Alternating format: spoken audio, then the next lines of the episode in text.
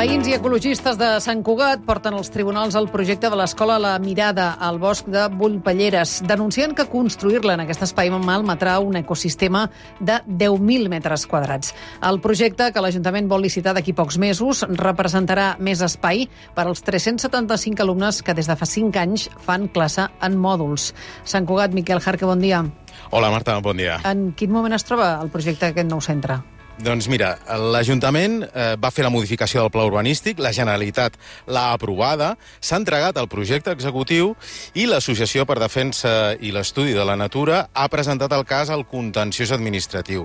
Si s'admet, demanarà cautelaríssimes per evitar la tala imminent d'arbres si s'aprova el projecte. Joan Carles Sallàs és el president de l'ADENC s'ha trobat la guineu i s'han trobat les els teixons. I, a més a més, els teixons hi viuen, hi ha teixoneres, i els biòlegs que entenen del tema diuen que fins i tot la guineu està anant a un cantó de l'autopista, diguem-ne, perquè és un lloc de seguretat que té. Uh, el que passa és que s'ha decidit que es construeix enmig d'un bosc una escola. Com que és sol urbà, no cal fer avaluacions ambientals i estem aquí.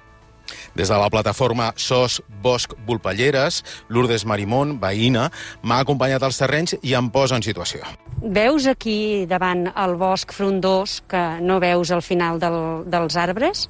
Doncs aquí davant ja aniria ubicada l'escola. Afectaria 478 arbres i tota la fauna dels 10.000 metres de bosc, comptant el perímetre de l'escola, s'intervindran uns 6.000 metres. El projecte arquitectònic és totalment sostenible, integra el centre dins l'espai natural, però, evidentment, l'impacte doncs, hi és. Ecologistes i veïns asseguren que hi ha solars a Sant Cugat que podrien acollir al centre. I què hi diuen de tot plegat escola, famílies i ajuntament? Eh, doncs mira, Direcció i Famílies fan, van a una, la directora de l'escola a la mirada, Clara Caso, assegura que el trasllat és necessari perquè no tenen espai. Com una escola convencional, ja fa molt de temps que no en tenim.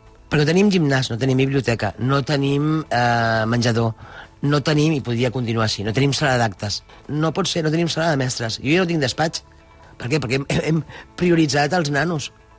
Aleshores, qualsevol espai que teníem per, per als mestres, doncs ho hem prioritzat. Clar, és a dir, sempre estem prioritzant, prioritzant, prioritzant. Aleshores, estem desitjant d'anar allà. Podem garantir que ho preservarem mil per mil? La idea és aquesta. Pel que fa a l'Ajuntament de Sant Cugat, el govern de Mireia Ingla ha declinat fer declaracions a aquesta emissora. Gràcies, Miquel Jarque, bon dia. Molt bon dia.